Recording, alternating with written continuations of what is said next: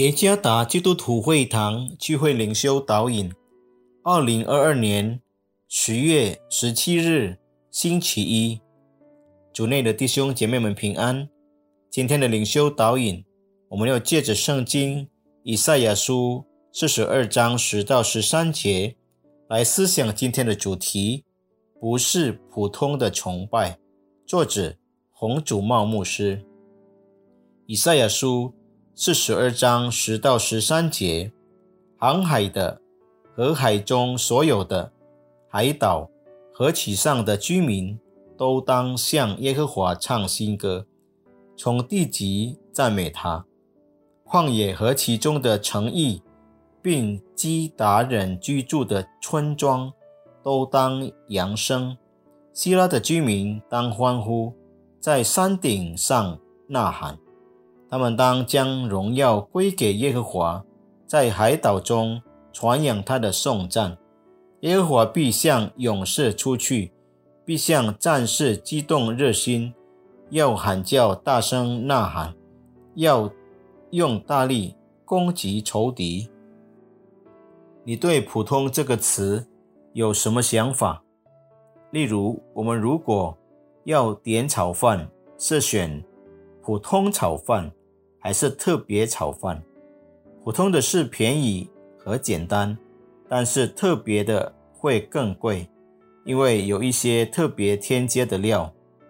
如果使用在崇拜中，有没有特别的崇拜？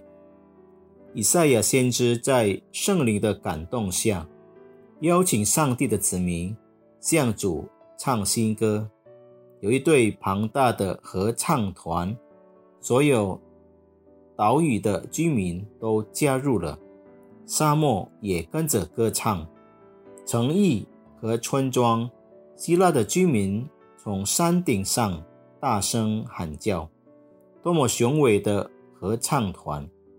接下来在第十三节中，耶和必向勇士出去，必向战士激动热心，要喊叫，大声呐喊。哇塞，这真的很神奇，不是吗？何时有这样的气氛在我们的崇拜中？当然，每个会众都会有这样的感觉。这不是普通的崇拜。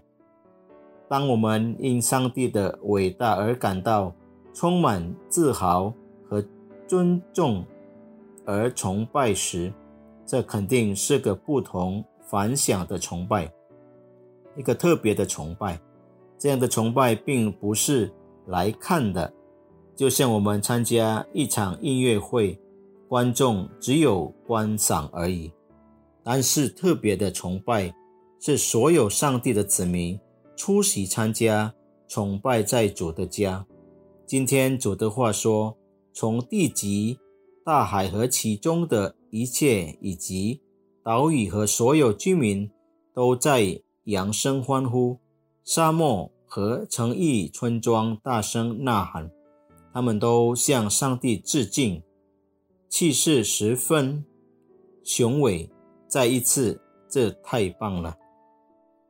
来吧，我们作为上帝的子民，已感受到他所有的美善，应尽心尽意尽力的来崇拜他。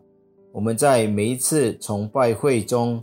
荣耀他，表示我们对他的尊崇和爱。不要把普通的献给主，但要把与众不同的献给主。愿上帝赐福弟兄姐妹姐妹们。